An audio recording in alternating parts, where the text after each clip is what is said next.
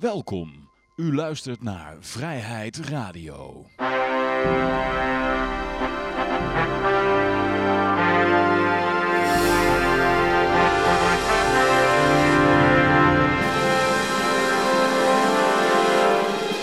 Ja, dames en heren, jongens en meisjes, dit is weer een nieuwe aflevering van Vrijheid Radio. Leuk dat u luistert.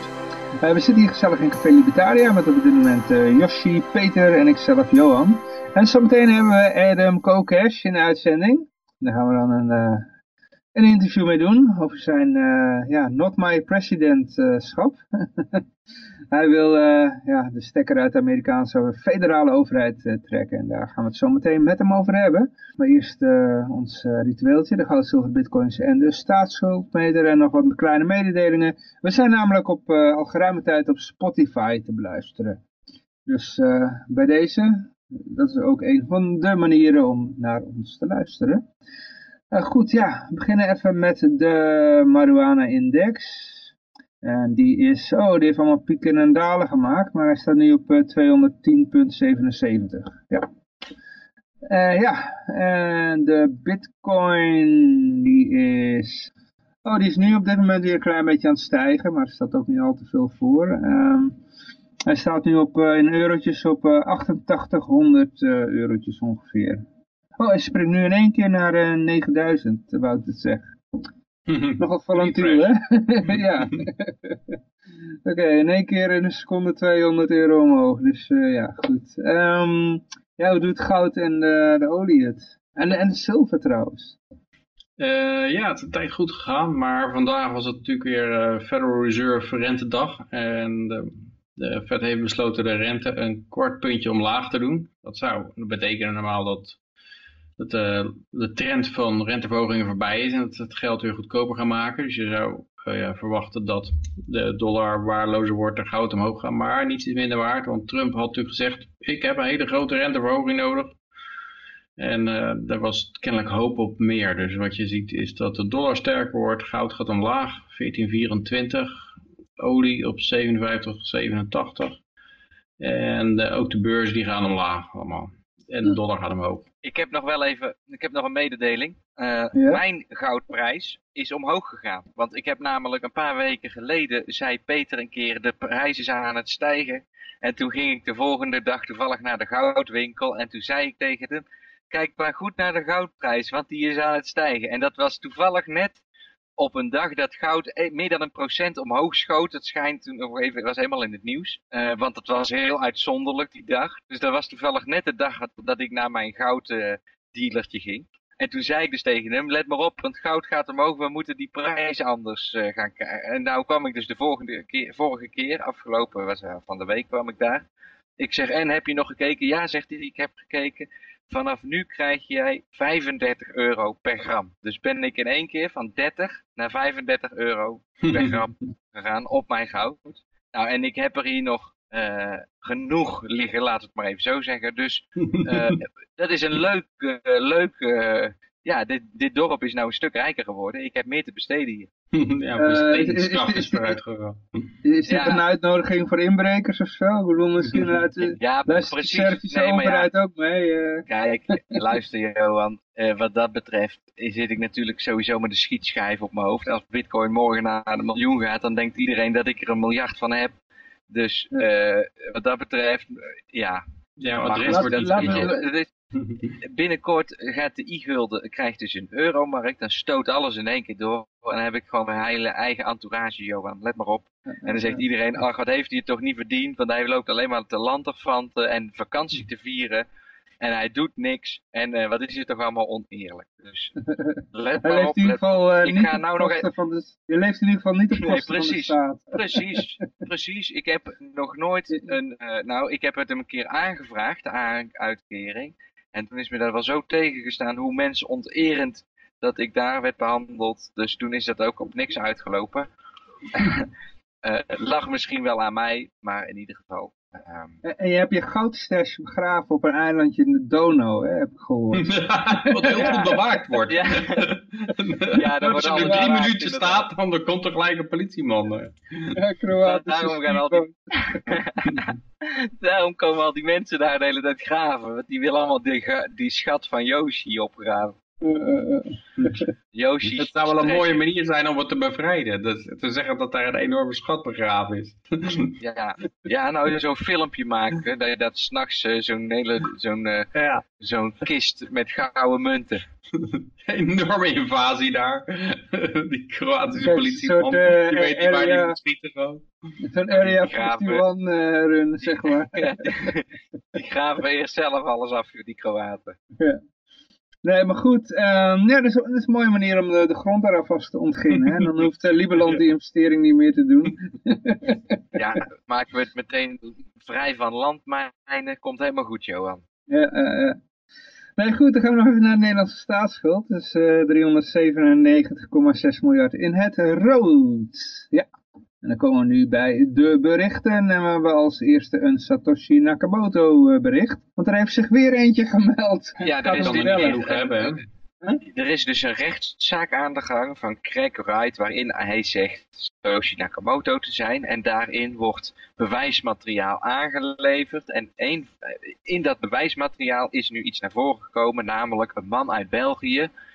In ieder geval met een Belgische uh, verblijfplaats um, in opgestaan om te zeggen dat die Satoshi Nakamoto is. Zo heb ik het goed verwoord, toch Johan? Ja, ja. Dus de rechtszaak uh, van de, uh, de, de, de, ja, hoe noem je dat, de, erven Kleiman. Kleiman was ook iemand die vanaf het begin bij de ontwikkeling van bitcoin betrokken was. En goed, ja, die mensen, ik, ik ga er niet, niet, verder niet al te diep op in, maar die, die mensen die zeggen nog geld, of in ieder geval een toegangscode tot een bepaalde hoeveelheid bitcoins uh, te, te, krijgen van Greg. En uh, nou ja, goed.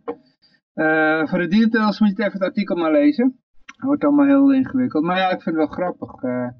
en, want ja, wat als Greg Wright dan de echte Satoshi is? dan zit hij waarschijnlijk met een probleem. En dan komen we bij het volgende bericht. De IRS stuurt berichten naar mensen met bitcoins. Ja, Satoshi. Ja, hoeveel... Uh, maar ja, Craig Wright is een, uh, geloof ik, Nieuw-Zeeland of Australisch. Maar, maar bij, ik wilde net zeggen, maar in, in, uh, in de VS is het toch zo dat je pas op het moment dat je ze dan ver, verzilvert, komt er het taxatiemoment. Dus als hij ze dan eeuwig laat staan, worden ze, worden ze ook nooit belast. Ja. Als die in de VS woont wel, maar in Nederland niet. In Nederland is het gewoon op nee, box 3 virtueel rendement en je hebt zoveel jaar niet gedokt. Ja, 1,2% effectief. En inderdaad, dan zeggen ze gewoon, ja, u bent nalatig, dus we gooien er nog eens 500% boete overheen. Ja. Hoe zit het? Uh, dit komt van Bloomberg. Uh, oh, die, die brief. Ja, het is een beetje een phishing expedition. Uh, ze, gewoon, ja, ze hebben ook namen van cryptocurrency houders, maar geen amount. En hebben gezegd van, nou, ik zou maar aangifte doen als ik jou was. En uh, ik zou dat heel serieus nemen, want uh, ja, ik kan wel uh, boete en penalties en backtaxes enzovoort. En dat, dat is waarschuwing. Het is een dreigement en, en, dan zeggen ze er vaak bezorgd bij, betaal snel, want voorkom verhoging. Want daar maken ze zich er enorme zorgen over dat je te veel zou moeten betalen. Het is, het is een beetje bangmakerij inderdaad. En ja, het oneerlijk uh, benadelen eigenlijk, of hoe zeg je dat, het, het oneerlijk wegen van het belang dat crypto uh, een bijdrage zou, uh, hoe zeg je dat, waarom gaan ze die crypto achterna, weet je wel. nou ja, kijk, die banken hebben ze natuurlijk waarschijnlijk wel, krijgen ze alle informatie van, ze weten precies hoeveel er op jouw bankrekening staat en brokers, hoeveel aandelen je hebt, dat weten ze allemaal. Dus dat daar, daar wordt heel weinig mee gefraudeerd. En die bitcoin is een stuk moeilijker voor ze voor ze om in kaart te brengen, denk ik. Uh, ja, en, en, dan zijn er wel eens mensen die posten zo'n zo'n tweet met uh, dit is mijn, uh, mijn adres en dan staat daar 560 miljoen op of zo. Maar dan, dan ja, weet de IRS niet wie het is, maar die zit wel te denken, oh shit, we lopen een hele hoop geld mis. Heeft iemand gewoon een, een bitcoin gekocht en een negen nulletjes achtergeplakt of zo? en dan zit dat met de pronk op, op Twitter of zo. Gewoon spice coins en dan gezegd dat het, uh, Ethereum zijn of zo. Ja. ja, maar het kan best ook iemand zijn die, die het heel goed gedaan heeft of zo. Dat zou, zou natuurlijk kunnen. Ja, dat is een beetje doorn in het oog van, daarom zitten ook al die exchanges uh, op KYC op de neus te drukken. Daarom durven ook al die exchanges geen Amerikaanse klanten meer aan te nemen. Omdat ze ja, bang zijn dat ze dan de hele machine achter zich aan krijgen. Ja, maar we hebben nog een berichtje hier. En dit gaat over een werknemer. oh ja, een zieke werknemer die elders auto's aan het poetsen was. die mag niet worden ontslagen. Ja, dat is toch alweer uh, ultieme van rare regelgeving in Nederland. Dus het bedrijf uit Brabant, die had een logistiek werknemer. Die, was al, uh, die zat al bijna twee jaar ziek thuis. En uh, die wilden ze eigenlijk op staande voet ontslaan. Toen bleek dat hij gewoon ergens anders een baan had. In de garage. maar het, het gerechtshof in de, de bos zei, nee, dat gaat zomaar niet. Dat, dat, mag niet. Ja, je hoort wel vaker. De, 35-jarige man werkte sinds 2009 voor het bedrijf als logistiek werknemer, maar werd in 2016 met psychische klachten arbeidsongeschikt. Augustus vorig jaar ontving het bedrijf een klikbrief waarin stond dat de man zwart zou, zou werken in een garage. Toetsen van het busje. De onderzoeksbureau constateerde vervolgens dat de man inderdaad werkzaam was in de garage, onder meer met het poetsen van een busje. Toen de man hiermee voor een bezoek aan het bedrijfsarts werd geconfronteerd en hij ontkende, werd hij door het bedrijf op staande voet ontslagen. De werknemer stapte echt naar de rechter om het slag aan te vechten. Vervolgens hem was hij aanwezig in de garage om, om onder de mensen te zijn. Zou dit uit medisch oogpunt noodzakelijk zijn geweest en had hij dit besproken met de bedrijfarts. Dus uh, ja, uh, het bedrijf, bedrijf moest hem enkele ontslag- en schadevergoedingen van ruim 15.000 euro betalen. Oh. Dus uh, ja, nou, succes met een bedrijf beginnen in Nederland. En tegelijkertijd zegt het Hof zegt zich wel te kunnen voorstellen dat de werkgever de man na zijn ontkenning ontsloeg. Toch had het bedrijf eerst advies moeten inwinnen bij de arts of de werkzaamheden de genezing in de weg stonden, zoals het bedrijf stelde. maar dan kun je toch ook uh, dat, dat, dat, werk bij dat gewone bedrijf doen, waar die, waar die uh, als, werknemer... ja, maar nou krijgt hij natuurlijk, hij krijgt betaald van die oude werkgever. Want als je ziek bent, dan moet de werkgever gewoon doorbetalen. Dat is ook een regel. En, eh, en hij werkt bij die andere baan, krijgt hij dan ook betaald. Ja. Dat ook in hoger beroep eist de man dat een onderdeel van de toegekende ontslagvergoeding zou worden verhoogd van 2.500 naar 40.000 euro. Daarmee ging het Hof dan weer niet akkoord. Omdat de man deels ook zelf verantwoordelijk was voor de situatie. Hm.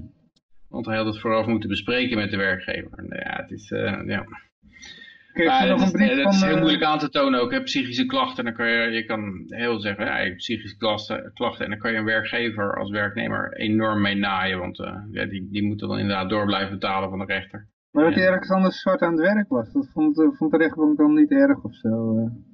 Nee, maar hij zegt dat was onderdeel van zijn therapie, hè? Onder, onder de oh. mensen te zijn was dat. Autopoetstherapie. busje, te, busje te poetstherapie ja, het is, uh, het zijn hele, hele ja, dingen die gewoon om misbruik vragen, dit soort regels. Want, uh, er gebeurt ook heel vaak dat ze rugklachten hebben en dat de bedrijfsarts gaat kijken en dat ze dan ergens aan het behangen zijn of zo. Hm. En, uh, ja, dat, dan sta je gewoon heel zwak als werkgever. Dus je bent, ja, je bent vrij snel ja, de piezanger. Zeker een klein bedrijf, die kan daar gewoon aan onderdoor gaan. Er komt wel een beetje op neer dat de mensen op zich eigenlijk wel willen werken, maar uh, waarschijnlijk is het gewoon het legaal werken is het gewoon het probleem. Dat, uh, dat ze daar gewoon niet zo goed tegen kunnen, al die regeltjes en... Uh, dan kunnen ze bij die tweede baan kunnen ze ook weer ziek melden. Eigenlijk weer psychische klachten en dan ook daardoor betaald worden en dan weer een derde baan erbij. nou, bij soort werk denk ik niet, want daar heb je natuurlijk niet die juridische, hoe dat, toestand. Het wordt wat moeilijk, ja. Je kan niet te hard maken dat je dat je zes banen hebt op een gegeven moment. Eh, dat je allemaal psychische klachten. Nee, zo'n probleem. ja, ik bedoel, als je ergens zwart werkt en je hebt daar psychische klachten, ja, uh, het is toch zwart, er staat niks, niks op uh, zwart en wit op papier. Dus, Inderdaad. Ja. ja, maar dan, uh, ja, je kan natuurlijk ook voor je, voor je filmrol drugs gaan verkopen natuurlijk, hè? Ja, kan ook, ja. Ja, er kwam, overkwam een Emmanuel Griffiths, nog nooit van haar gehoord, maar... Ja goed, ja, vorige week hadden we het ook al eh, benoemd dit artikel, maar in, meer in de zin van uh, als anekdote. Maar nu kunnen we even wat eh, dieper ingaan op de details. Uh, wie, het gaat dus om Emanuele Griffiths, waar ik nog nooit van gehoord heb. En, Grives, denk ik gewoon. Grives, Grives, Grives. Emanuele Grives, waar ik nog nooit van gehoord heb. actrice, dus... Oké, okay, soapster of zo? Nee, ik heb ook nooit van gehoord hoor, maar ik lees die dat een actrice is. En ze, ja, dus, in een Vlaamse cel. Ik weet niet of ze nog steeds in de cel zit. Zo lang ga je ook weer niet in de cel, denk ik, voor een beetje drugshandel. op een festival. Maar ja, de, de excuus was dat ze, volgens de advocaat, mijn cliënten, heeft er gewoon zich zeer goed voor te bereiden op een nieuwe rol. Al dus Koen van Eken. Zij heeft ze ooit weken op straat gelegd voor een reeks over daklozen. Ter voorbereiding op een nieuwe rol wilde ze nu weten hoe het is om drugs te verkopen. Ik vond het eerst ook een onwaarschijnlijk verhaal, maar ze wilde zich echt voor een nieuwe film inleven in haar rol als drugshandelaar. Ze wilde ervaren hoe het in zijn werk gaat en welke spanning erbij komt kijken. Maar ze heeft er niks van gerokken, gebakken en ze is betrapt. Ze beseft nu dat het ook een domme actie is geweest. Nou ja, misdaadverslaggever Peter R. Vries vindt het verhaal over de voorbereiding op een rol niet geloofwaardig. En het is ook de vraag of er wat uitmaakt. Hè? ik, was, ik was drugs aan het verkopen om deze redenen. Om, om over, mijn, over, over mijn pleinvrees heen te komen bijvoorbeeld. Ja, dat zal de rechter een worst wezen. Zegt gewoon, ja, drugs verkopen is illegaal, up, straf. Ja, maar, ja, maar het was om over mijn pleinvrees heen te komen. Ja, leuk. Dus ja, ik denk niet dat het gaat helpen. Maar ik vind het wel een goed excuus. Ik ga het misschien toch ook wel een keer inzetten. Hm. Als ik een keer ergens in de problemen kom. Ja, ik, u reed snel. Ja, ik was, ik was me aan het inleven op, een, op een nieuwe rol in een James Bond film. Ja, ik, ik, vraag me dan af, zoals ze nu zoiets hebben van, ja, ja, misschien hebben de libertariërs nou toch eigenlijk gelijk. Het is eigenlijk toch wel raar dat dit allemaal verboden is of zo, weet je wel? Ja, je denkt dat uh, dat, dat tot inzichten leidt? Ja, ik denk het niet. Ja, ja. Het zou mooi zijn. dus de volgende keer bij, uh, weet ik veel, Pauw en Witteman, of tenminste, hoe heet het tegenwoordig, Pauw alleen. Dat ze daar zit en uh, zegt van, ja, het zou eigenlijk toch gewoon legaal moeten zijn. Het is toch raar dat je hiervoor opgepakt wordt eigenlijk. Het nou, ik denk toch wel dat het die kant een beetje opgaat. Als je ziet nou in Amerika met marijuana in ieder geval, dat dat toch wel een beetje een done deal is. Een heleboel staten hebben nou gelegaliseerd, federaal nog niet.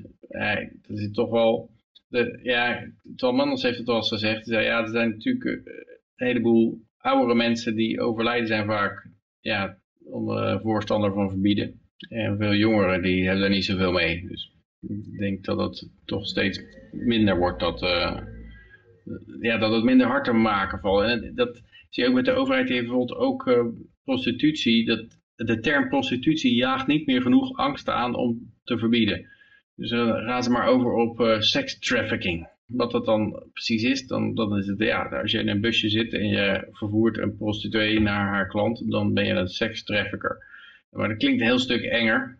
En ik heb het idee dat heel veel van die pedofilie, dat dat een nieuwe escalatie is. Van ja, het gaat allemaal de jonge kinderen en zo. Ze moeten het steeds erger maken om nog de handen op elkaar te krijgen, om dat verbod er doorheen te krijgen. Anders halen mensen een beetje de schouders op. En eh, ja, ik denk dat dat, dat het proces is. Dus eh, krijg je eerst marijuana legaal en dan, dan uh, ja, misschien ook uh, ecstasy-pillen of zo, cocaïne. Of, ja, er is natuurlijk wel hoop aan te verdienen voor de overheid, die illegaliteit. Maar ja, dat, zou, dat was het voor alcohol ook. Maar op een gegeven moment gaan ze dat waarschijnlijk gewoon formeel regelen via vergunningen. Lijkt hm. mij haast. Ja, en dan hebben we nog de vrouw die voor Centrale Bank wilde spelen.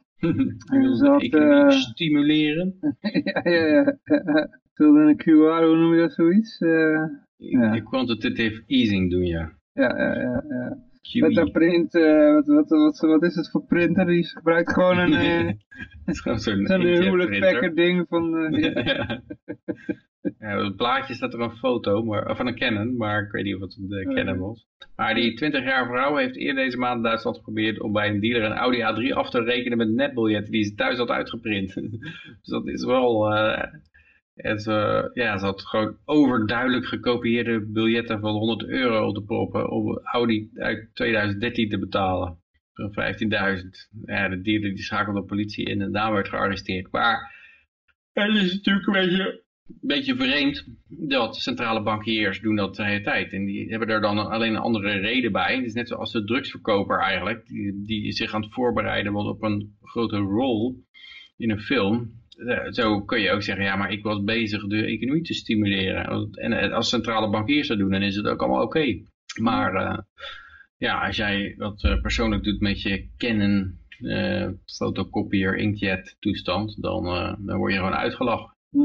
Ja. Ja, het is natuurlijk ook een beetje onprofessioneel. dat heel makkelijk herkenbaar. ik had wel zo'n zo'n scam, uh, gehad van zo iemand die zichzelf als prins Zuid-Afrika voordoet. Die dan, uh, weet, weet ik veel, die wil dat, dat je 5000 euro naar hem overmaakt en dan kan hij zijn miljoen op je bank storten. Ja. Uh, die, die, die mailtjes ken je wel, hè? Dus ik had die de, Spanish, uh, de Spanish Prisoner heet dat, geloof ik, die truc. Ah, Oké, nou, ik had hem in ieder geval een e-mailtje teruggestuurd met zo'n Adobe bestand met allemaal geldbiljetten en instructies hoe je het uit kan printen. Maar toen, dat er niet in, dus ik had hem teruggemaild van, nou ja, de centrale bank doet het ook. En zei hij, really? Uh, but then the money is gonna be worthless, uh, schreef hij terug. dat was iemand uit Zimbabwe. ja, ja, ja, waarschijnlijk. Of uh, Nigeria hebben ze het ook gehad. Maar ja, goed. Um, even kijken hoor. Spectaculaire roof. 750 kilo goud op het vliegveld van Sao Paulo. Ja, ja dat, en dat zijn mannen die hadden zich verkleed als nepagenten. Dat is natuurlijk ook wel weer apart.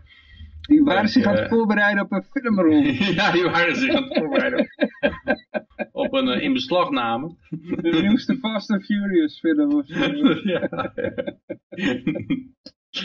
En uh, ja, het is gewoon, uh, die hadden ook uniformen aan enzovoort. En ja, dan, dan lukt het gewoon om 750 kilo, kilogram goud en edelmetalen. Dus naast het goud hebben ze ook nog edelmetalen gestolen. Hm. Vreemd. Maar inmiddels zijn ze alweer gepakt, hè? Wist jij niet. Oké. Okay. Laatste nieuws. Oh, ja. De Braziliaanse politie heeft drie verdachten opgepakt na de enorme goudroef van afgelopen donderdag. Verklede ja, nepagenten vielen de vrachtafdeling binnen en vertrokken met 720 kilo goud. Nou moet ik even kijken wat er geroofd is. 750 kilogram goud.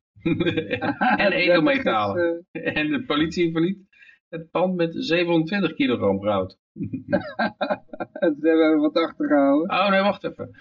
Uh, dat er verleden, verklede nepagenten vielen de vrachtafdeling binnen en vertrokken met 720 kilo goud. Oh ja, ja dus nou is het 30 kilo minder geworden dan het oorspronkelijke bericht. Maar ik weet niet waar, waar of die 30 kilo nou werkelijk gestolen zijn. Of, uh... Die is door de politie achtergehouden natuurlijk. Hè? Die hebben dan natuurlijk een nieuw persbericht uitgevaardigd. Dat het uh, ja, ietsje minder was. Ja. Ja, maar het is, wel, het is niet zo dat ze dat bij die arrestatie die 720 kilo te pakken hebben ge, uh, gekregen. Want ook dat die van de kilo goud ontbrengt nog ieder spoor. Dus dat ze hebben alleen verdachten. Oké, dus de politie... Uh, en, en, ze, en, ze, zeggen nu opeens dat het 720 is, terwijl ze eerder zeiden dat het 750 was. Dus. Maar misschien houden ze al rekening dat als ze het terugvinden, dat ze dan 30 kilo achterover kunnen drukken voor, drukken voor de politie, uh, ja. voor, de, voor de taart en gebakpot. ja. Maar uh, hebben we hier nog het vuurwerkfestival Scheveningen. is afgelast door uh, strengere uh, veiligheidseisen. ja, het hoor je wel nou, ben ik toch erg. Ik ben vorig jaar geweest, dus dan ben ik blij dat ik er nog eentje heb meegepakt. Ja. Toen, had ik, toen zat ik aan de, aan de strandzijde van, hoe heet dat hotel daar in Scheveningen? De Kuurhaus. Mm dus uh, dat was heel erg leuk hoor, met, die, met het vuurwerk. Dat was hartstikke leuk. Dus dat is jammer dat dat dan weer weggereguleerd wordt. Ja. Ja, er is natuurlijk een keer zo'n nieuwjaarsfeest geweest, is, of vuur geweest in Scheveningen. Dat was geloof ik zo hoog, dat die vonken, die waaiden gewoon helemaal de, de stad in. Hè? En, nee, uh, maar dat is nou het paas, dit is nou het paasvuur waar je het over hebt. Oh, was het paasvuur? Toch? Ja, dat, nee, nee, ja. dat was zo'n groot vuur. Was een groot vuur en, de, en de vonken die gingen de stad in, toch? Ja. En de, ik denk dat ze daar heel erg bang voor zijn geworden. Maar het stomme is natuurlijk bij dat vuurwerk op die pier, daar is nog nooit wat misgegaan. Dat is uh, ten eerste een heel stuk de kust in. Ja, dus het water in, dus ja, daar kan niet veel misgaan. Maar ja, dat is ook de 40ste editie zou dat zijn geweest. En uh, ja, het was altijd al een enorm gezeik, met bussen en uh, wat uh, om alles transport geregeld te krijgen van mensen. En, en ja, nou is het zeg maar, zeg maar zo dat, dat ze het helemaal maar opgegeven hebben. Elk jaar is het de strijd met beveiligers, verkeersregelaars en pendelbussen. Maar zover zijn we deze keer niet eens gekomen, zegt de organisator tegen het AD. We hadden een heel nieuw veiligheidsplan opgesteld en daar werden weer nieuwe eisen aangesteld. Op een gegeven moment zijn we ingehaald door de tijd en hebben we de witte vlag gehezen. Ja, het is zonde. Jammer. Ja. Maar uh, ja, wat ook jammer is, is dat uh, GitHub uh, Iraanse gebruikers gaat weren van Ze zijn, zijn ze al mee bezig. Die worden in de band gedaan op GitHub. Nou, ik weet niet, jullie kennen GitHub? Ja, ja. Nou, Johan, vertel eens. Nee, de e-gulden project wordt ook op de GitHub bijgehouden. Dus ik ben daar wel bekend mee. Hoe zou je het even uit kunnen leggen aan, aan de noobs? Ja, het is eigenlijk een, een, een soort map voor iedereen, waar iedereen in kan werken. Ja, het is een versie, versiebeheersysteem. Hè? Dus het is... Uh, het, uh, ja, je kan er ook oude versies mee terughalen, uh, snapshots. Je kan er vergelijkingen maken tussen twee versies. Die, dus ja, het wordt heel veel gebruikt voor softwareontwikkeling. Om, om te zorgen dat een hele hoop mensen kunnen samenwerken en allemaal in dezelfde files veranderingen kunnen maken, dat weer kunnen mergen. En het komt oorspronkelijk ook van Google vandaan, dacht ik ook, Git. Um, ja, het is een heel populair versiebeheersysteem. Uh, wat ik een beetje jammer vind is dat, ja, waarom ga je nou Iraanse softwareontwikkelaar, dan help je in, in uh, Iran mee aan Linux en dat mag nou niet bij EP's niet meer, want uh, nou, ik weet niet in hoeverre ze dat kunnen gaan controleren. Maar het is natuurlijk overgenomen door Microsoft, GitHub een beetje het begin van het einde, denk ik dan. Die zouden eerst helemaal niks aan veranderen, maar nou gaan ze dus uh, wel aan uh, Amerikaanse wet moeten gehoorzamen. En dus moeten ze Amerikaanse gebruikers weren. Nou, is daar ik wel een alternatief voor nog. Git, nog wat. Maar ja, als, als, GitLab, ja. GitLab. ja. Maar als jij project, als je ja, project waar je aan wil meewerken op GitHub draait en je komt uit Iran. Ja, en de geschiedenis leert dat het alleen maar erger wordt. Dat het straks ook uh, voor nog vijf andere landen en dan is het ook, uh, ook Chinezen mogen niet meedoen. En uh, ja, je gaat...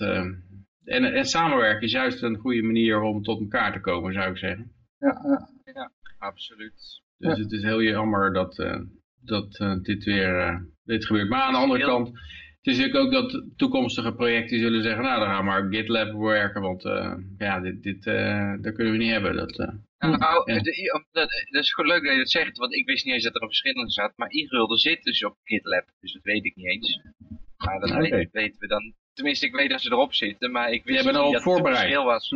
Mhm. ja, wij, zijn daar, wij hebben het wel een keer over gehad, ja. ja. GitHub is opgekocht door Microsoft en er was altijd al de vraag van, oh jee, is dit ja, wordt het nou een soort corporate uh, ellende? Nee, maar dat ging er niks aan veranderen. Dat zou allemaal gewoon zo'n gangetje doorgaan. En, uh, maar ja, het is, je kan het ook misschien Microsoft niet aanrekenen. Want ja, een Amerikaans bedrijf moet zich gewoon aan de Amerikaanse wetten houden. Dat, ja, dat is het nadeel als het... Ja, ik weet niet of het daarvoor ook Amerikaans was, maar... Uh, ja, en het is zelfs zo dat Nederlandse bedrijven die moeten zich aan Amerikaanse wetten houden. Want als jij met Iran zaken doet of, of een, een, pipe, een Nord Stream 2 pipeline aanlegt, dan uh, kan jij ook geboycott worden door, en, en, en juridisch aangevallen worden door, door uh, de Amerikaanse overheid. Het heeft ook Daar... te maken dat je dus uh, hun geld, als je in dollars bijvoorbeeld hè, de, de, transacties verricht, dan zit je er ook al aan. Hè? Dus dan zit je ook aan die regulering. Of ja, als je iets met dollars doet, als je ergens dollars aanraakt, dan menen zij geloof ik uh, daar zeggenschap over. Maar het is ook moeilijk, het schijnt nog moeilijk onderuit te komen. Er drijft ook ergens gewoon een tanker stuurloos rond. Er zit geloof ik Iraanse olie in, maar niemand durft er meer aan te raken. Want uh, ja, dan word je gelijk gegijzeld door de Amerikaanse overheid. Maar ja, GitHub heeft wel een geschiedenis hè, met censuur. ik heb hier nog een artikel van de Wikipedia over ja, even kijken hoor. Uh, China, daar hebben ze, heeft al een keer problemen gehad. Um, tenminste developers. Uh, daar hebben we India. Maar vanwege de Chinese overheid of vanwege... Denk het, ja. Want de Chinese overheid die houdt ook hun onderdanen overal weg. Ja, in ieder geval India wordt genoemd, Rusland. Uh, maar ja, voor de details moet je maar even uh, dat Wikipedia-artikel even uh, erbij halen. Dan, uh, ja, het wordt decentraliseren denk ik weer. Eh. Ja, ja, ja. Mooie case voor uh, GitLab dan, hè? Ja. Goed, ja, maar we gaan even naar, naar Adam Kokesh toe. Die, die staat te trappelen. En ja, dan gaan we daar zo meteen verder praten over hoe het allemaal verder kan als hij de Not My President van Amerika gaat worden. Ja. Ja, dames en heren, bij ons aangeschoven is niemand minder dan uh, Adam Kokesh. En uh, from now on I'm going to talk English. Hi Adam. Hello, it's an honor Hello. to be on video. It's the second time, by the way. The last time you were uh, was about your book, Freedom. And uh, now it's your presidential campaign, or to be, uh, like you say it, not my presidential campaign. Yeah, I'm, I'm glad that you pointed out that way and, and started with that because every time I have to introduce myself as a presidential candidate, I throw up in my mouth a little bit because you really have to be some kind of psychopath to want to be president of the United States, to wield this power of, over other people, to, to think that you can somehow be uncorrupted by power and be a, a kinder, gentler ruler. It, it, it's absurd. And, and so it is true that I am technically running for president of the United States, but because my platform is to take the federal government through a peaceful, orderly, responsible bankruptcy process that would leave us with 50 independent states and of course up to 562 sovereign native nations, I'm really turning the federal election into a referendum on whether or not the federal government can exist rather than running for president. I'm going to be resigning on day one from the presidency to become custodian of the federal government. So it's, it, I'm, I'm like playing this disgusting game surrounded by, you know, evil people. And, you know, I, I don't want to put on the ring of power. I just want to throw it directly into the fire. Uh, you said the bankruptcy process. Uh, how uh, does it go in work? Yeah, sure. It's a great question. And for the mechanics of this, basically every single agency uh, it goes through one of three processes. If it's an agency that should not exist, like the IRS, like the, the DEA, these, these federal agencies that steal from people and impose regulations and really don't provide any actual value, those just get dissolved. If it's uh, if it's a, you know, if it can be uh, localized to the states, for example, the Federal Department of Transportation, it gets cut up into 50 pieces and every state gets a piece, not that complicated. Um, if it's a uh, an agency that should continue, but as an independent thing, it can get spun off. So, like the Department of Veterans Affairs gets spun off as an independent agency. Similarly, Social Security, we're going to be as a bankruptcy process, we're going to be uh, paying back the, the true creditors of the United States federal government. That's the American people. The debt, the federal debt that we have right now on paper to foreign banks and government corporations, that's not a legitimate debt. And it's not a legitimate debt. Like, I mean, it would be like if, if I borrowed money and then said, well, Johan here, I'm going to, I'm going to, he's in on the loan with me and I'm actually going to make him pay for it but he had no say in it. And, and really what we're doing with government debt is, is actually a whole scale more evil than that because what we're doing is forcing our children to pay for stuff that they never had a say in. So that goes away. So basically localize, uh, liberate or or liquidate. And if you want to get into the details, the mechanics of this, we could go agency by agency. And you know, this is a, it's a very well thought out process. We've gone through all the details. You know, I've been talking about this since 2012, and I, have been asked a lot of questions, and there isn't a single one that it that, that's difficult to come up with a good answer for by uh, applying basic principles and looking at this as, as a bankruptcy process where as the custodian of the federal government, I would have all the same fiduciary responsibilities as, as any other bankruptcy.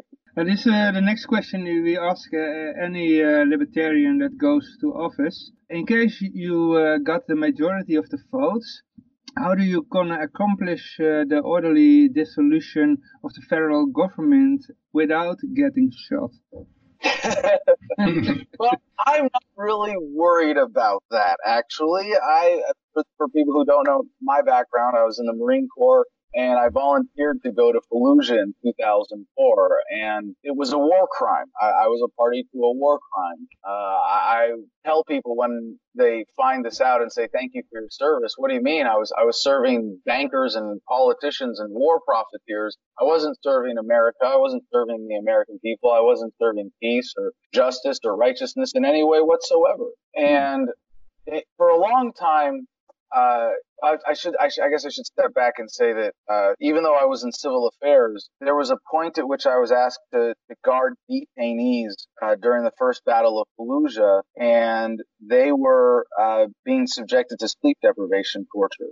Mm. And as part of my shift I was asked to continue that sleep deprivation. Um, and, and, aside from the, the, general evil of the war crime that I was a part of, there was a, a, sense that I had when I got back of wanting to do pet for that. That uh, my activism with Iraq Veterans Against the War was in, in many ways motivated not by a sense of guilt, but by a sense of wanting to make things right for the wrongs that I had committed. And mm. it took me a long time to sort of shift out of that mentality. And, and I see it now as more of an attitude of service and, and, and sacrifice and you know, what it really means to be a warrior, not a soldier. Because a warrior is someone who's willing to put their life on the line to do what is right, to stand up for justice. A soldier is just someone who follows orders in a government military. And there's really, you, you, there's some overlap and you might be both. There's, there's a real important distinction here.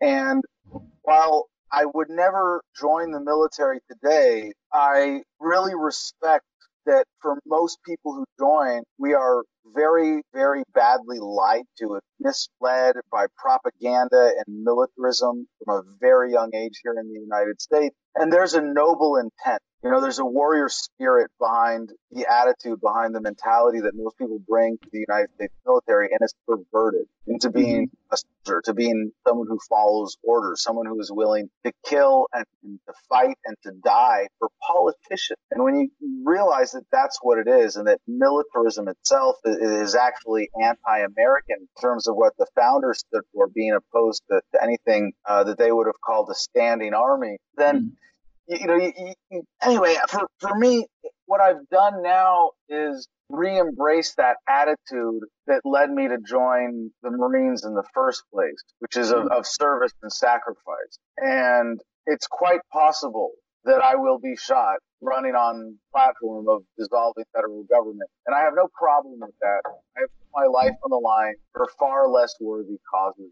More importantly, in terms of this campaign, when the American people decide that we're not going to put up with the federal government existing at all anymore, no mm-hmm. asshole in a suit, Washington D.C., no Supreme Court justice, no member of Congress, no bureaucrat is going to stand in our way.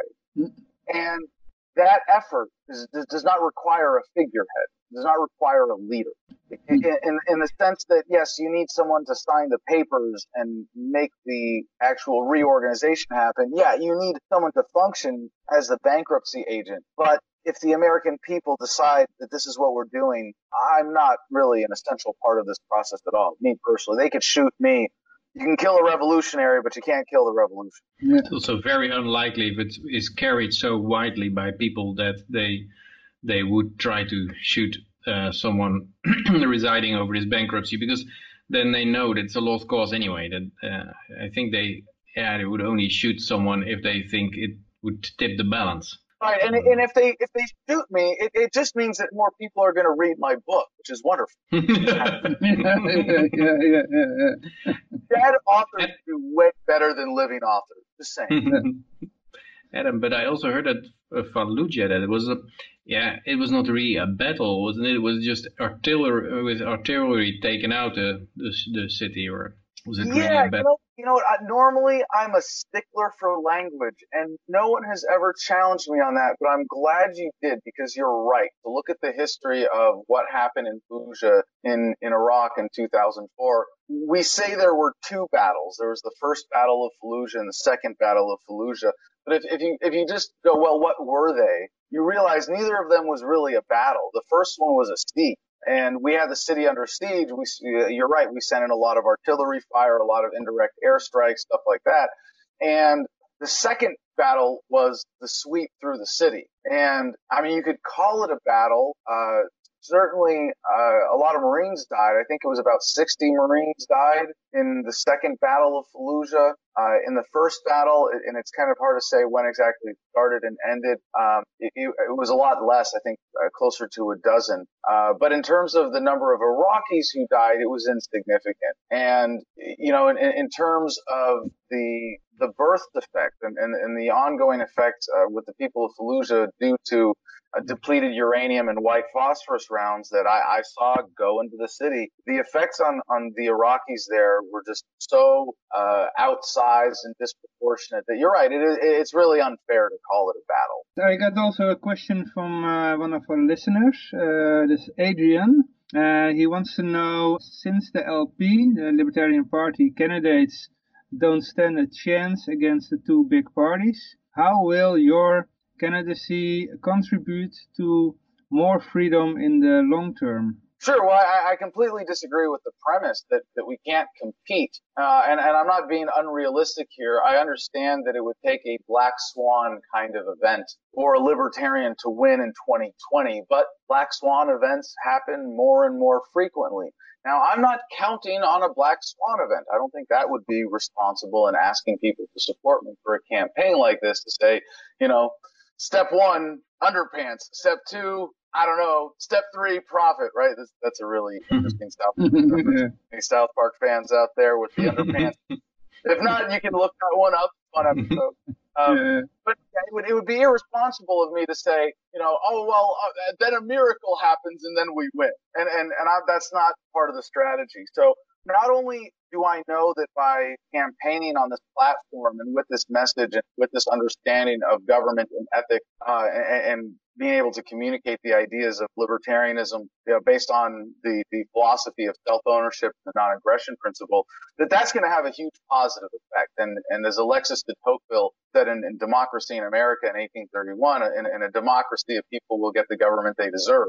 Well, I think that's really true about all forms of government, and in the sense that uh, the limits of tyranny are prescribed by the tolerance of the oppressed. If you change the paradigm, if you change how people think, inevitably you're going to change the reality of the government that they experience. In terms of the actual strategy for this campaign, I'm not running an educational campaign. We're running to win. We're going to be ready to win. We're going to be ready to take office in 2021. You're going to see by the Libertarian National Convention next year the executive order that will lay out in as much detail as possible the bankruptcy process, agency by agency, for how we dissolve the federal government through this bankruptcy process. And you will know exactly what you're voting for. Of course, it's not for me to be president. It's asshole A, asshole B, or I should say red asshole, blue asshole versus this plan. And mm. this these exact principles being applied to the federal government. So what I think we can do in 2020, and, and, and, it, and for, for people who are, you know, obviously listening internationally here in the United States, it's only about 60% of the American people that even consistently vote just in presidential election.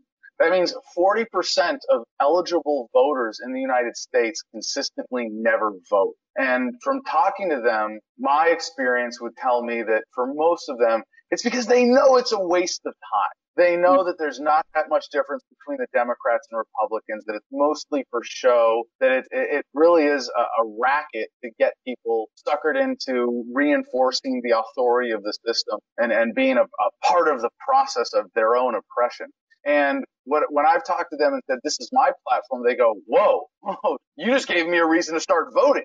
And I what's very reasonable to expect in 2020 is that with a, with a platform as bold as this and as principled as this and as fundamentally different from the old parties as this. And I should say, in some ways, this platform is really extremely moderate because it would only result in the firing of about one in 10 government employees. Most of, uh, uh, of the government employees in the United States work for state and local governments, not the federal government. So we're talking about getting rid of one in 10 government employees in the United States. And we're talking about letting the states determine their own policies on everything as sovereign countries now. So if you're in a liberal state and you're a liberal or conservative in a conservative state, I don't have to argue with you about my idea of government.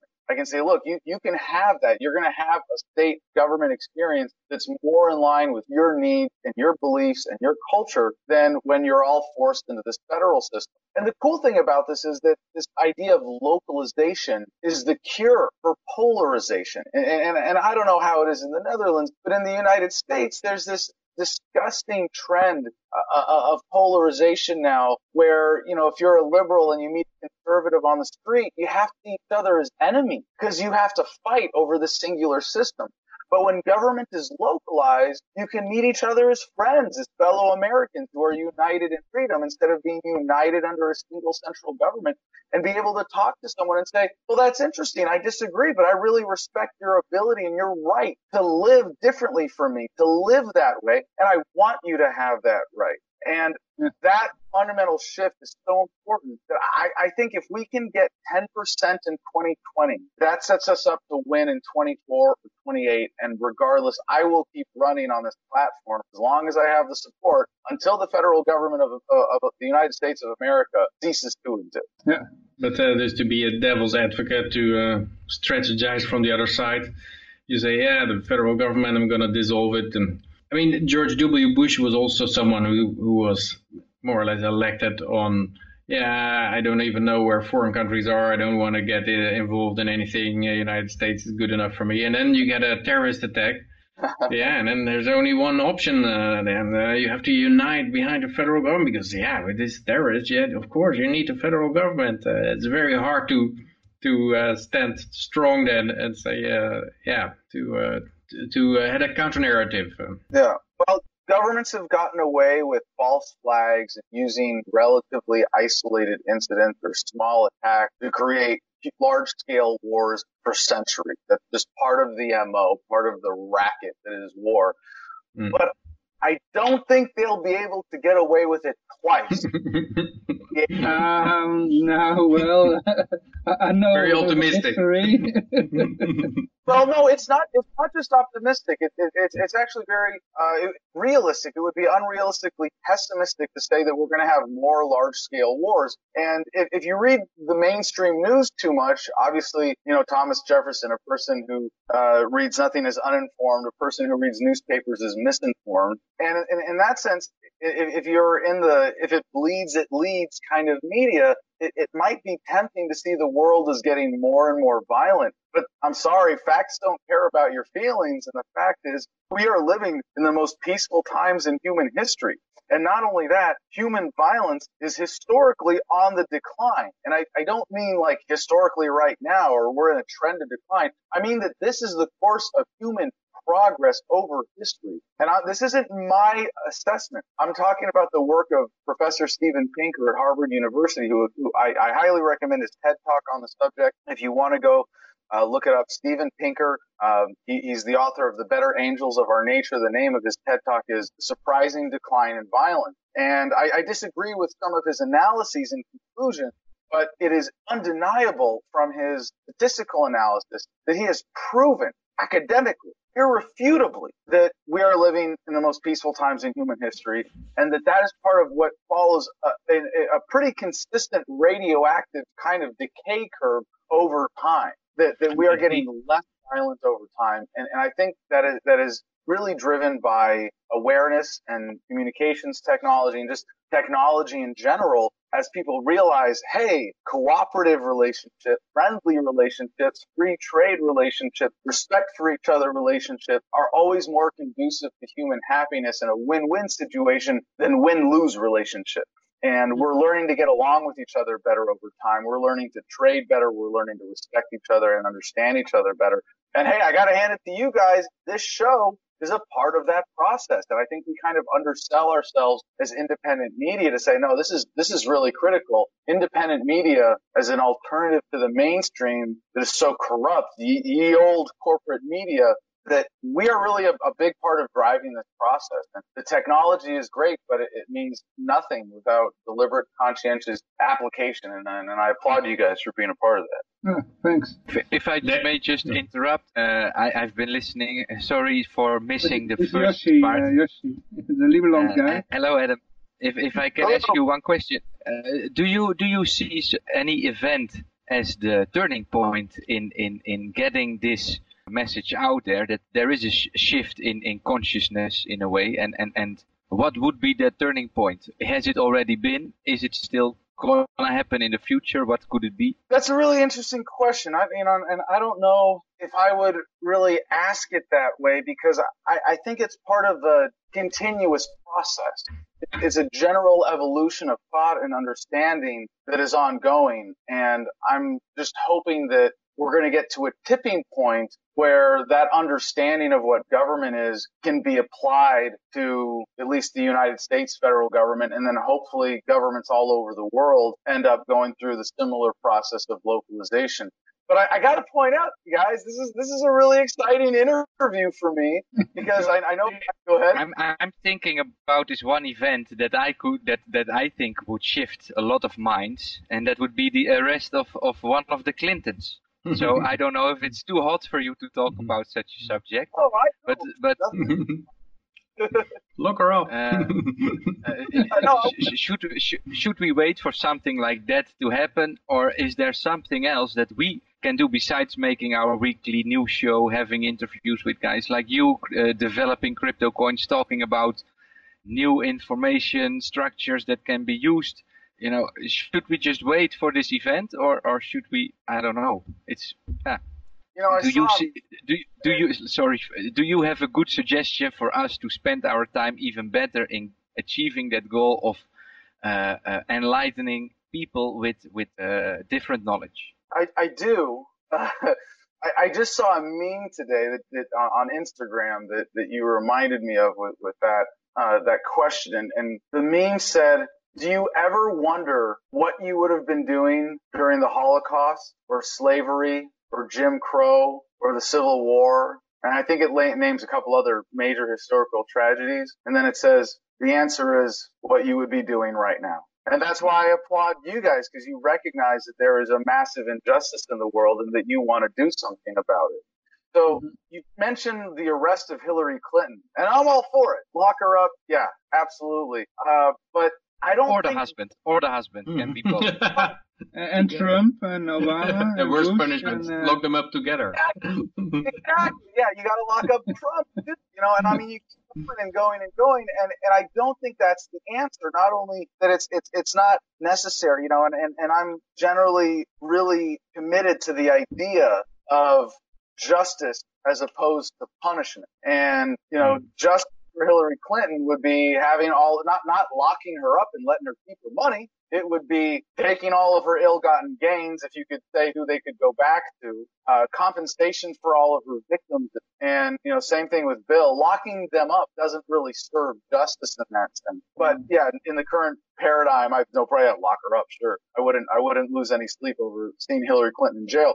But I don't think that would do it in terms of a turning point. I don't think we just that, antagonize the other side, and then you get uh, right. You get more, it, it, yeah. Exactly. And if anything, it reinforces statism. It gets mm-hmm. people to think, yeah, government serves justice when nothing could be further from the truth because it's actually the opposite. Government is an unethical, violent institution fundamentally based on violating people's rights. So you say, what is this turning point? And that's what I was going to say. I'm so excited for this interview because even though I've, I've done your show, bankruptcy is always the turning point for all empires. Bankruptcy. Yeah, yes, in a sense, right. You look at the Roman Empire; it was it was a, it was really primarily financial dynamic, clipping of coins that that led to the the you know the death spin of, of, of the Roman Empire. But this interview that, that we're doing right now is the first international interview that I have done since we formally announced the campaign last year. Mm-hmm. And I'm I'm not allowed to say very much about it directly because of legal considerations here in the United States. You know, I'm not allowed to ask for don. I'm not allowed to accept donation from foreign nationals. If you're not a U.S. citizen, you are not allowed to donate to my campaign and help us end the federal government that way. But I imagine, I, I, I would guess from my experience, again, maybe not so much in the Netherlands, perhaps as in the Middle East, but I would imagine that there are a lot of people outside of the United States yeah. who would prefer that the federal government did it. Yeah, and, how, and how can they support you? well, like I said, in, in, in, a very careful legal sense, and I, I'm, I'm not, you know, I'm not a lawyer, so I'm not trying to, you know. Um, let me guess. They, they can go to your website and uh, find out the, the, the, the, the crypto addresses of uh, several coins that they can send to you. Or perhaps well, do it the old-fashioned way, PayPal. There's so I have my media operation, Adam versus the Man. I have my website for financial support for my activism generally called the Freedom Fund. And uh, I'm sure our responsible show host will include all of the appropriate links here where we have uh, wallets listed for Bitcoin Cash, uh, Bitcoin, uh, Dash, Smart Cash, and of course Dogecoin because you can't leave out the Doge. And we of course, you know, freedom of speech, right? You know, we respect, generally speaking, freedom of speech for foreigners in the United States as well. And on the internet, there's really nothing they can do to stop you, as you know.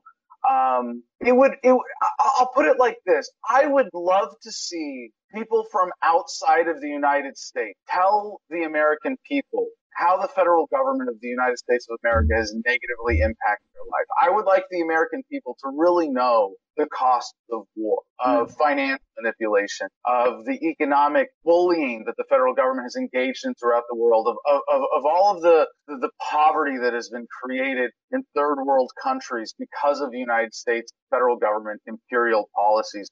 I would love to see that voice be heard. And I think this campaign, because of this platform, gives the rest of the world a unique gateway and, and, and, and an opportunity to tell the American people, yeah, America, please stop doing this federal government thing. This is literally killing us. This is destroying lives all over the world. I mean, you know how bad it is in the United States, but outside of your borders, it gets a lot worse. And, you know, uh, people outside of the United States engaged in the conversation and helping us out that way and raise the awareness to the American people about all of the negative effects. And, and I would hope, you know, one of the things I, I've learned from traveling around the world is that the American people are actually uniquely trusting of government in the mainstream media. It's like as citizens of the empire, we have to be more propagandized than, than anyone else.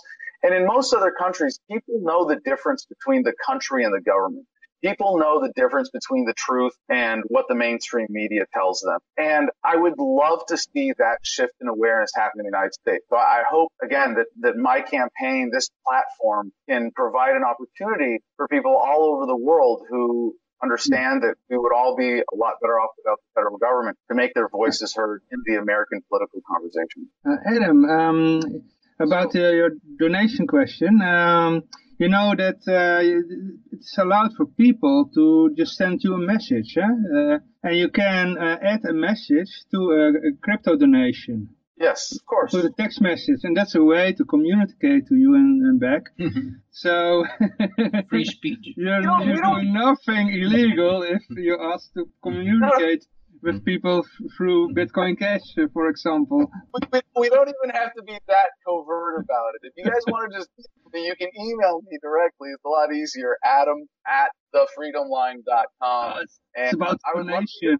It's about the donation. Well, Adam, I, I, will definitely send you an email. Maybe you can type the email again in the chat uh, because I have a small suggestion as well. Uh, I, I, I, run uh, with this borderless, censorship resistant crypto coin. I wanted to say so many more words there, but crypto coin uh, for the Netherlands, EFL.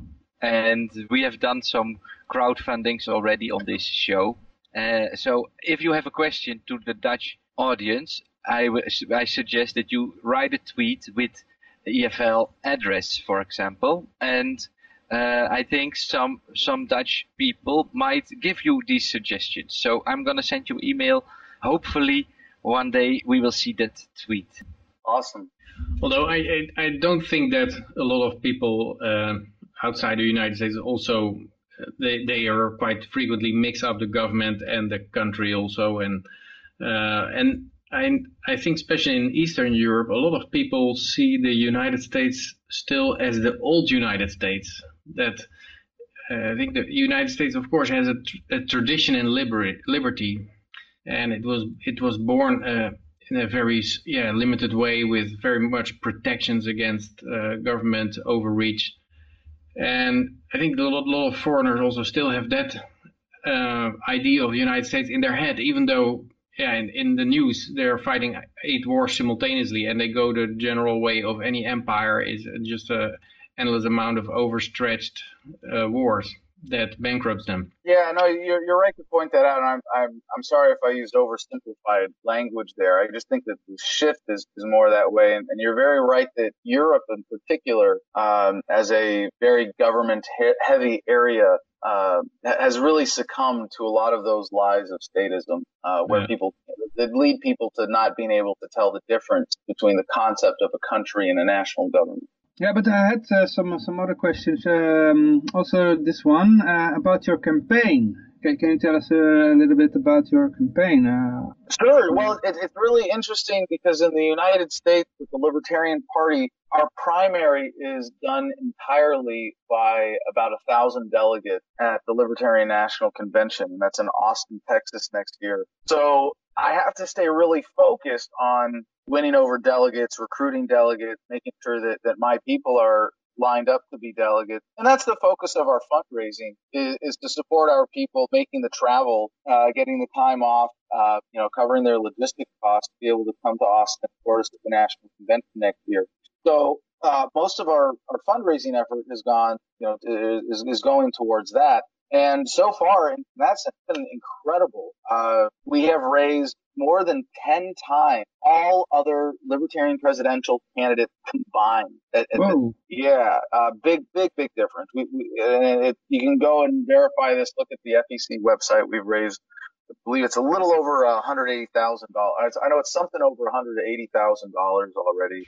Um, and, and I hate to say this because it, it, really is a sad state of the Libertarian Party that we don't have more fundraising happening at this point. I mean, if anything, you look at what the Democrats and Republicans are raising for me to say, yeah, we raised $180,000. It, it's insignificant almost. And, you know, the other Libertarian candidates having not raised even, you know, a total of, of $18,000 is, is kind of sad. And I, I really wish that we had, uh, you know, more Libertarians engaged in the in the political process and and I understand why they're not. You know we have for the last three cycles nominated not quite libertarians with the libertarian party it's, it's where's not... Aleppo?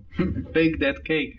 Oh god yeah you guys know the story. How about that? Um, so it's turned a lot of people off from the libertarian party which is a shame because those candidates were not elected by the base of the libertarian party they were elected by people who came in at the last minute specifically to support those candidates at the national convention. Basically, you, I mean, you could call it a Republican takeover of the Libertarian Party that happens every four years when we leave all these empty delegate slots and they just fill them up with their people and then they walk away with the nomination. And, and a lot of libertarians in the United States end up being completely turned off from politics in the process. And I always say, you know what?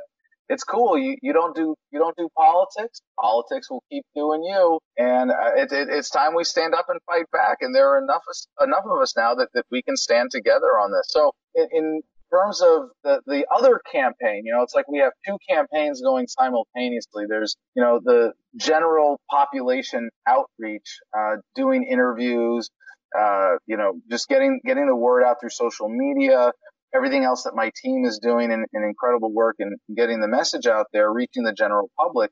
And even on that, it's it's incredible. I mean, I, the, the thing I hear from people more than anything else is, I don't vote, but I'll come out and vote for that.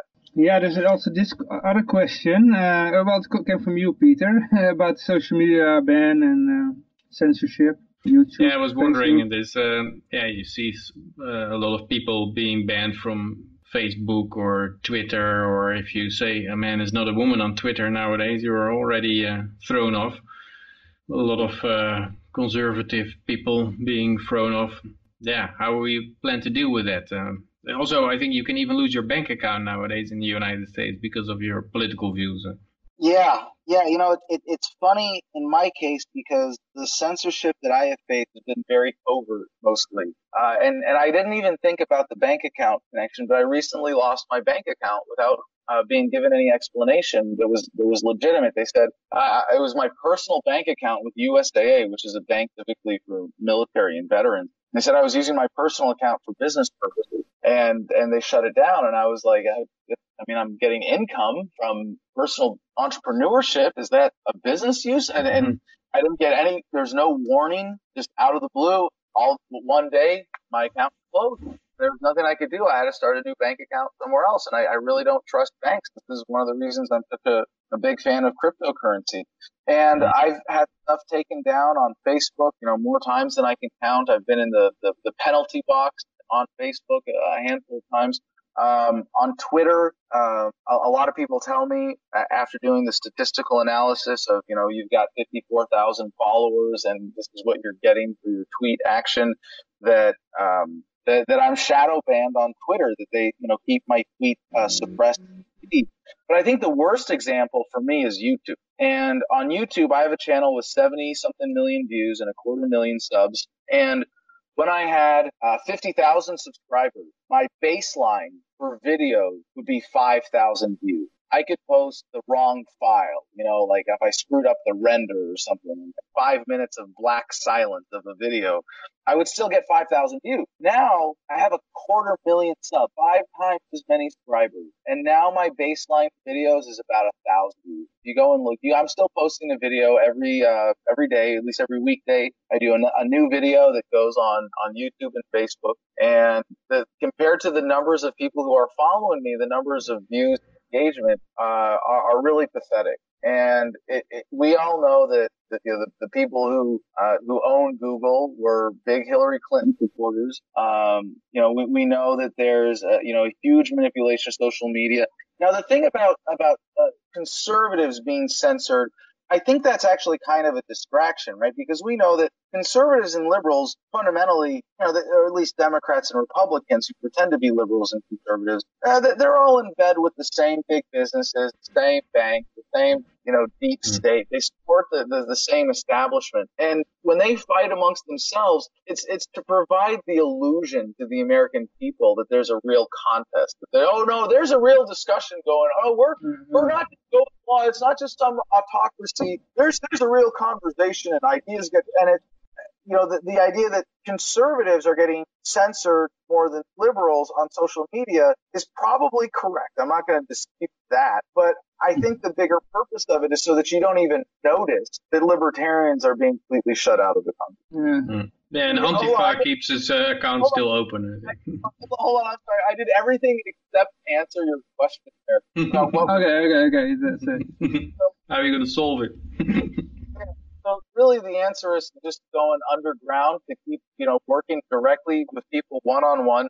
And our message is going viral in, in ways that like surprise me every day. I mean, I hear feedback. Oh, someone at the bus stop told me about your campaign or you know, oh, I saw this interview that you did. And so a big part of the focus for me uh, has also been media out. And we have a great media team uh, that, that, that not only handles arranging for interviews, but goes out and, and, uh, you know, asks other media outlets to interview me. And the only mainstream media interview I've had, I think the entire campaign was Judge Napolitano on Fox News.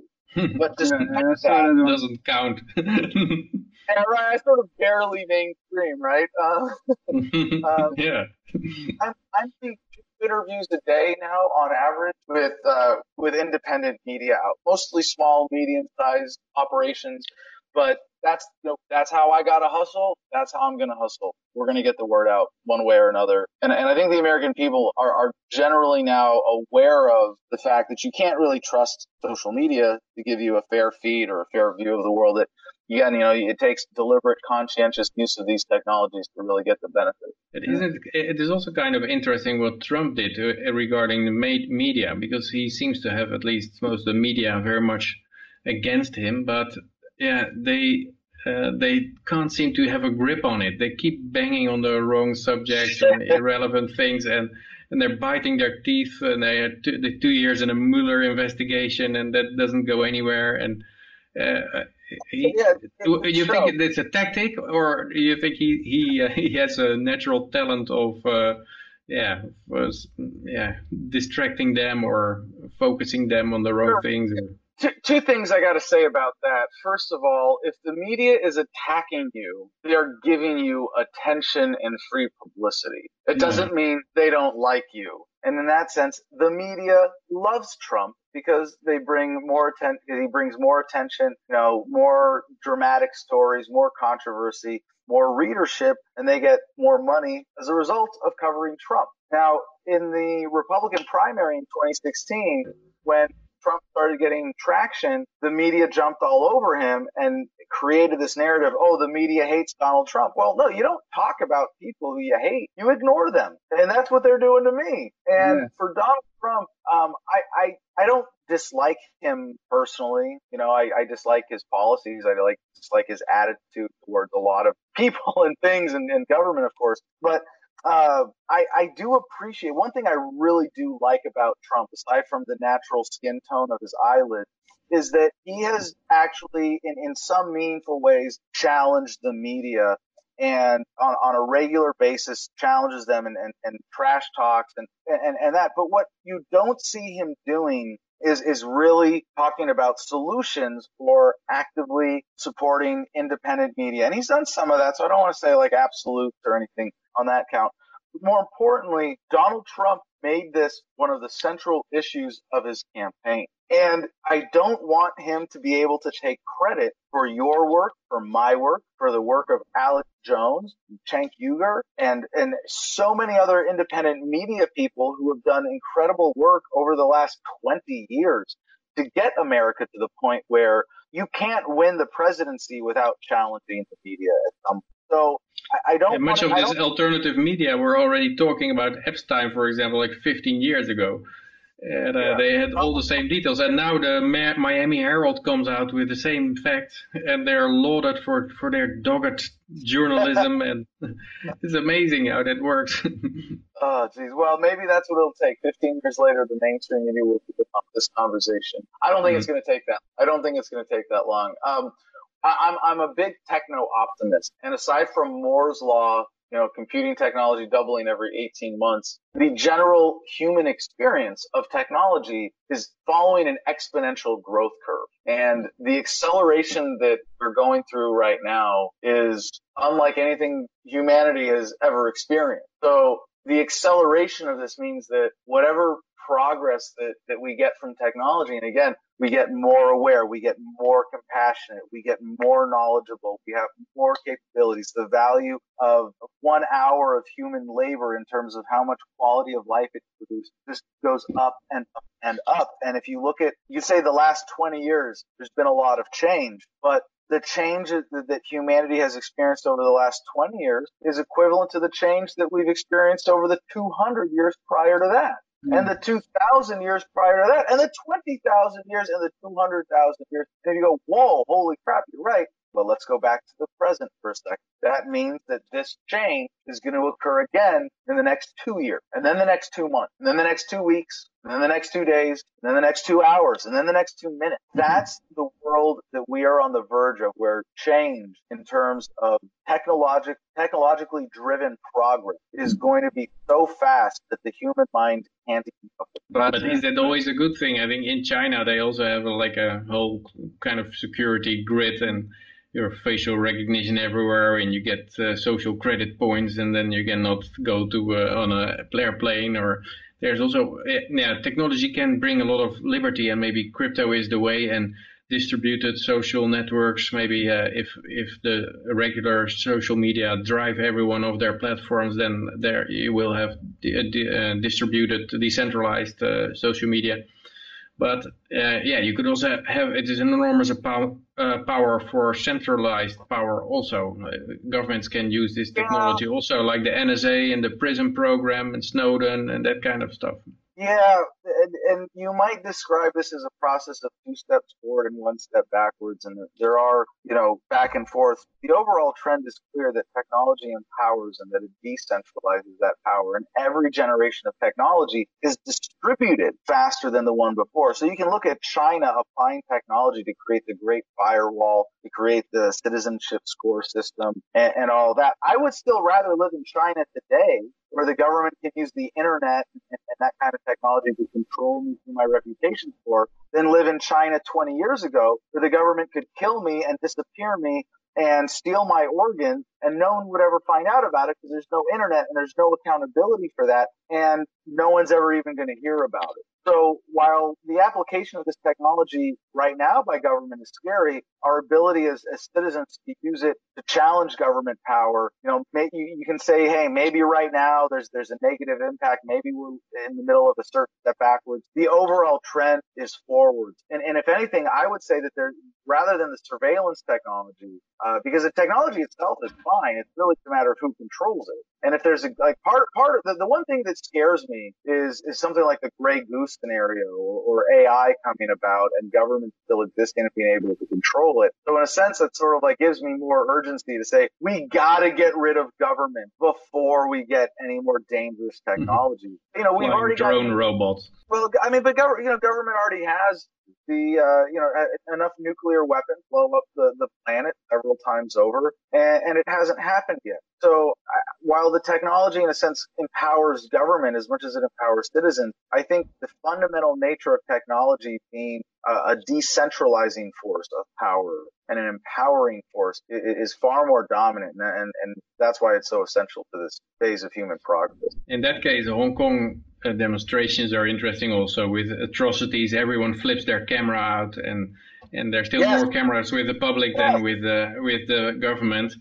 And yes. and the daylight is is disastrous for them. If you show what what how they operate, then then they then they lose. They have to keep in secrecy. That's why I think these wars also they learned from Vietnam War that you have to keep journalists out or have them embedded or something, but don't show any corpses or explosions or uh, uh, keep that away. But that is, that is harder and harder with the proliferation of cameras.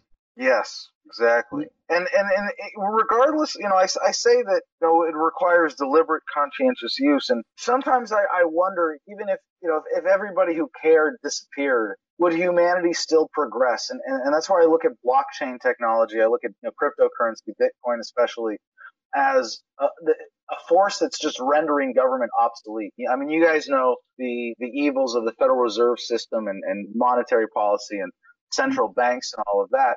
But do we need to educate everybody about how evil central mm-hmm. banks or do we just invent Bitcoin with all credit to Satoshi, of course? Do we just create Bitcoin and say, uh, hey guys, do you want money that gains value over time or loses value over time? oh yeah, let's take one that gains value. You don't have to educate people about the political aspect or the, you know, finan- financial aspects of the central bank manipulation. Mm. Yeah, they shrug their shoulders if you uh, start about central banking because they, yeah, it's uh, a lot of zeros and they don't understand or want to understand. They don't see how it's relevant for them. When they see uh, see some financial success from investing in cryptocurrency, then they also want it as well. Yep. But um, in the Libertarian Party, the other nominations, yeah, like John McAfee, Vermin Supreme, uh, Dan Behrman, and uh, some others, they are more like colleagues instead of competitors. Do, oh, yeah uh, how do you go along with them? Uh? Oh, we are running as a team. It's amazing. Uh, pretty much everybody who's running even a halfway serious campaign for the Libertarian Party nomination for president, you know, at least enough to get around to the debates that we've had at state conventions so far. I love all of them. You know, we're we're all friendly, we're all supportive, uh, because we're all activists, and an yeah. activist is someone who's motivated by a deep-seated sense of injustice, not ego or money or power.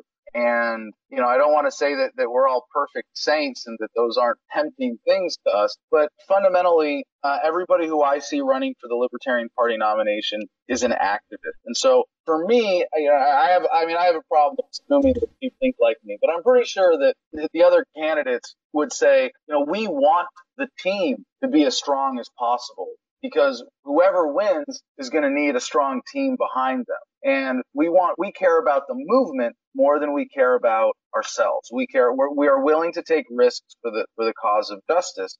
And so I know that if something were to happen to me, you know, I want the Libertarian Party to have as strong of a candidate as possible, even if it's not me. And so I've, I've made a very careful, I should, say deliberate effort to, to support the other candidates as, as much as I can. Uh, you know, when, when they tweet stuff or, or uh, you know, want me to share it, I, I, I retweet it. Um, when they want to, you know, arrange interviews or, or debates or anything, I, you know, I always want to help facilitate that and, and build them up. Um, Max Abramson is another great candidate who just reached out to me who wanted to set up a, an interview uh, as a debate specifically on uh, the Dallas Accord. And if anybody wants, I don't want to explain it because it's such an esoteric kind of Libertarian Party thing. But if anybody wants to look at the Dallas Accord, it's a, a fun part of the Libertarian Party history. And anytime I do an interview, uh, my press secretary uh, sends the the host an email afterwards that says, "Thanks for doing that. Please consider interviewing these other libertarian candidates."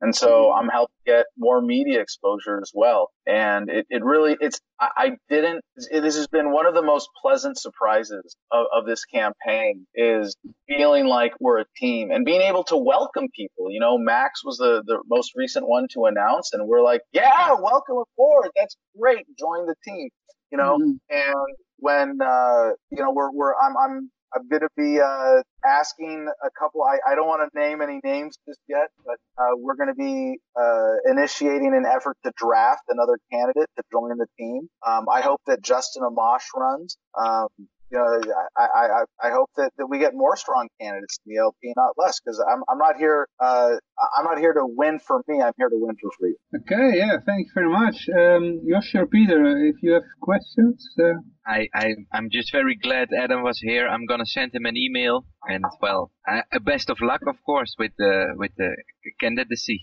with with running for president. Yeah, maybe I was wondering about a lot of libertarian candidates are yeah, in the, have trouble with the legal system. And I, I, know you have had some problems in the past, and uh, John McAfee is just out of jail, I think, or uh, just in, in jail. I saw him on a boat with a with a rifle or something. Oh yes, escaped to Cuba. yeah, yeah. I think that's a bit of a misrepresentation. I got, I really got to correct you on this one. I don't have any trouble with. they have with you. I don't have problems with the legal system in the United States. The legal system has problems with me. Mm. That's their problem. And yeah, I, I have it's the same for Joe McAfee. Yeah. Yeah, and I well, I haven't had to leave the country yet. Um, mm.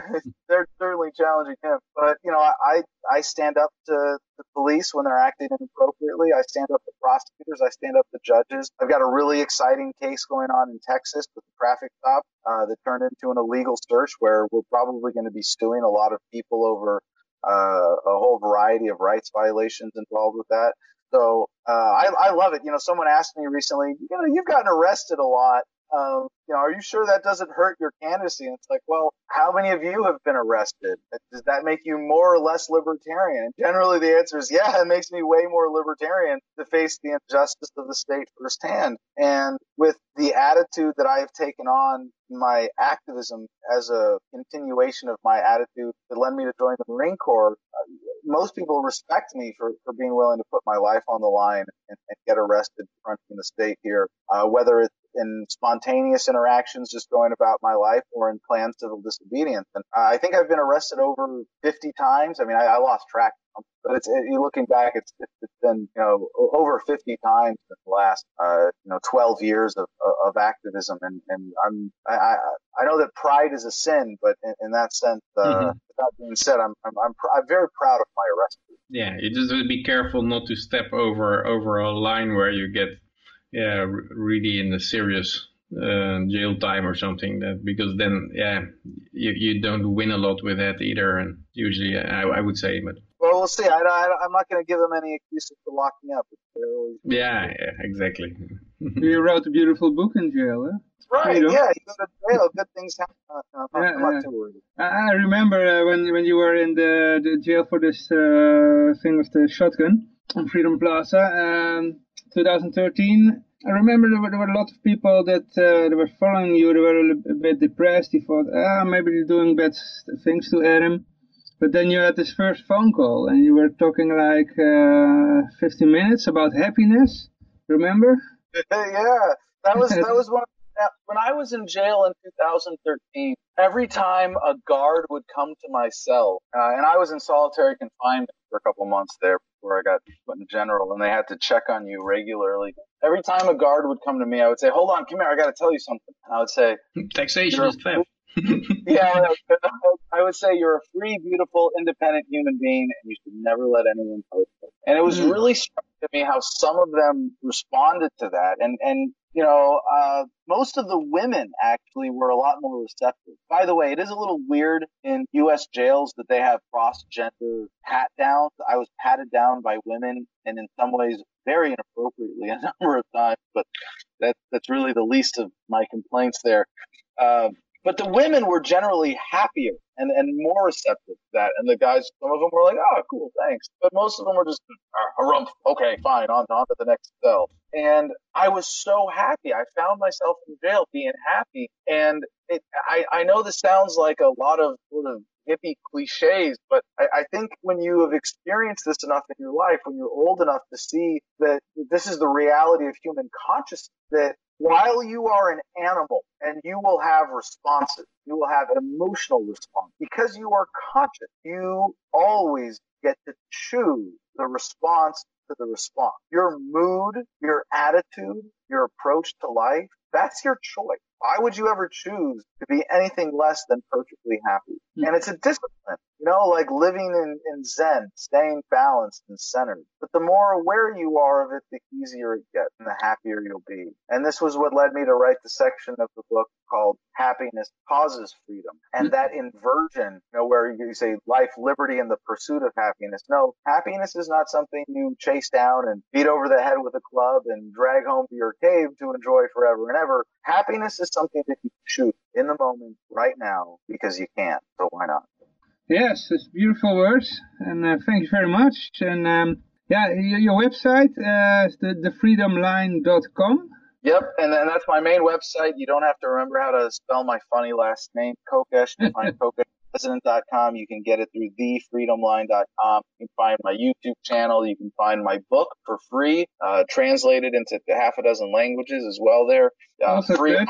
Yep, the, the, the Dutch is there free in, in every digital format possible and we sell it on Amazon as, as cheap as they let us get away with. So, so please check that out. And, and, you know, for, for people who are listening, uh, outside of the United States, do not donate to my presidential no, no, don't do it. Don't do it. but never want you to do anything. No, but actually we cannot accept donations to the campaign, uh, from from anybody who's not a U.S. citizen. But of course, you can donate to my activism. You can uh, you can support my media production, Adam versus the Man. You can become a Patreon supporter of, of Adam versus the Man at patreon.com/slash Adam versus the Man. And um, I, I, would appreciate all the help we can get. I, I hope, um, aside aside from the three of you, that there are some other people outside of the United States who would rather federal government not.